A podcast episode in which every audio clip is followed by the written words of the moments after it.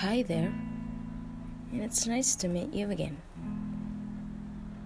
Being responsive is suck, and that's me.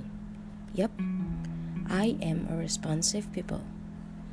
Actually, I was thinking that I am a child who needs validation all the way. So maybe that makes me afraid of rejection, abandoned, or maybe ignored. I don't know.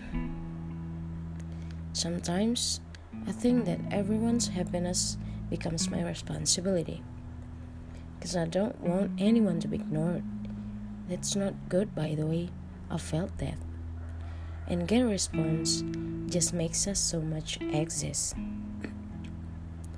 But then, something proved me wrong. That being too much responsive makes me selfless. I was burdened by others people matters and push myself too hard to make everything looks totally okay. See? Isn't it stupid? It was like I never looked over myself again. Abandoned myself, ignored myself. I'm afraid of it, but I'm doing it to myself. Being inhuman for myself and makes others' life as a priority.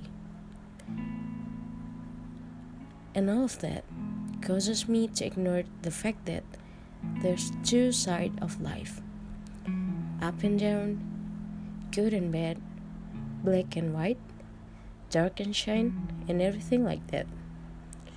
And every one of us will go through that way, either good or the bad. It's just about the time. When we go through the good way, we can't just predict that all the way later is only the good way or the ops. This worldly life doesn't work like that.